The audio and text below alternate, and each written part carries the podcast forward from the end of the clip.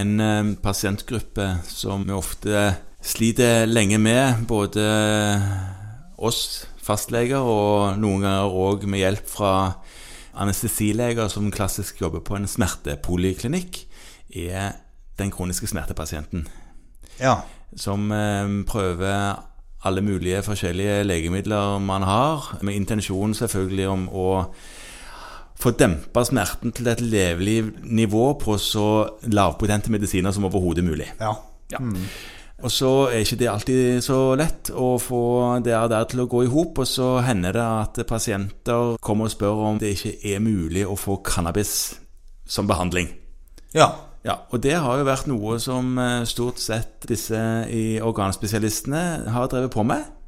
ja, de har jo drevet lite på med det. og- Ja, men det er, de, og- det er de som har Hvis noen har fått det, så er det de som har funnet indikasjon og skrevet det ut. Ja, og, og der, der er jo godkjente legemidler som inneholder cannabidiol, Ja, som nå brukes mot MS hos noen utvalgte pasienter. Så Mhm. det, det, det fins jo der ute, og mange vil nok oppleve at det er en del pasienter som kommer og spør om dette. ja. Men du som fastlege, som da automatisk, hvis ingenting eh, har skjedd i din tid, eh, har forskrivningsrett for resepter i gruppe A. Ja. Hva har, har du noe du kan gjøre her? Ja, der er, der Altså, er jo du, har, tek- du har jo masse A-preparater, selvfølgelig. Ja, det er masse apropos. Ja. Det, det er noe du kan gjøre. Du kan faktisk skrive ut noen produkter på såkalt registreringsfritak. Ja. Eh, Hvis de ikke inneholder noe, altså hvis de inneholder mindre enn 1 av det som man kaller for THC. THC, Ja. som er virkestoffet i disse cannabinoidene. ja. Som er et av de, og som gir den rusgivende effekten. Ja, smertestillende effekten. Nei, den ligger på det som heter cannabidiol, som er CBD. Ja. Så CBD er det mye av. Det er det mye av, men poenget er at de skal ha lite ruseffekt. Ja. Det skal ikke være noen rusgivende effekt av Nei. Mm. dette. Og hvis det er mindre enn 1 så kan man rekvirere det. Eh, Det som er viktig å si da, er det at her ligger det en veileder hos Helsedirektoratet, og målet her vil da kanskje si at les den. Fordi at For det første så er er det ingen godkjent indikasjon for det du nå holder på med. Nei, for det er registreringsfritak, dette Ja. her. Eh, Ja. Og så sier både SLV og Helsedirektoratet at ja, det finnes nok noen pasienter der ute som har nytte av dette, f.eks. ved kroniske smerter. Mhm. Men hvis man påtar seg å skrive ut et A-preparat utenfor godkjenning, Mhm. så har man et særskilt ansvar. Og da, da sier de veilederne Det kan man godt liste opp. Altså, da sier de at forutsetningen for å gi tillatelse til at vi holder på med dette her, ja.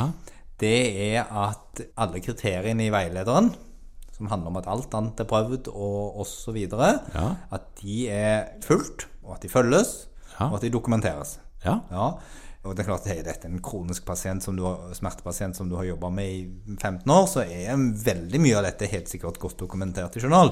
Men det er viktig at det er det. Ja. Og så skal du søke før du starter behandlingen. Det må du jo gjøre, Ja. fordi du får ikke tak i det uten. Nei. Og så skal du påta deg et særlig ansvar for å følge opp bivirkninger og effekt. Og her er det også viktig å minne om eh, noe mange av oss kanskje ikke er kjempeaggressive på, og det er at bivirkninger skal meldes. Ja. Ja. fordi dette eh, er jo da nybrottsarbeid du holder på med. Ja. Ja. Jeg skal ikke bruke tid på sånn praktisk ellers. Det, der ligger gode, eller der ligger veiledere hos Helsedirektoratet og SLV. Ja. som man bør lese nøye hvis man får spørsmål om dette. Og både du og, og meg opplever nok at det er stadig flere som kommer og har spørsmål. Fordi pasienter snakker sammen, og de leser på internettet. ja, ja, ja. Og de har hørt at dette er mulig å få til. Ja. Og da kan det være greit å si ja, det kan være mulig, og det må vi sjekke litt opp i. Ja. Og så setter man seg ordentlig inn i det før man begynner med noe sånt. Og det er jo alltid trygt da å snakke litt med noen voksne Nettopp. før man skal begynne. Og høre hva de syns om den ideen. Ja. Ja.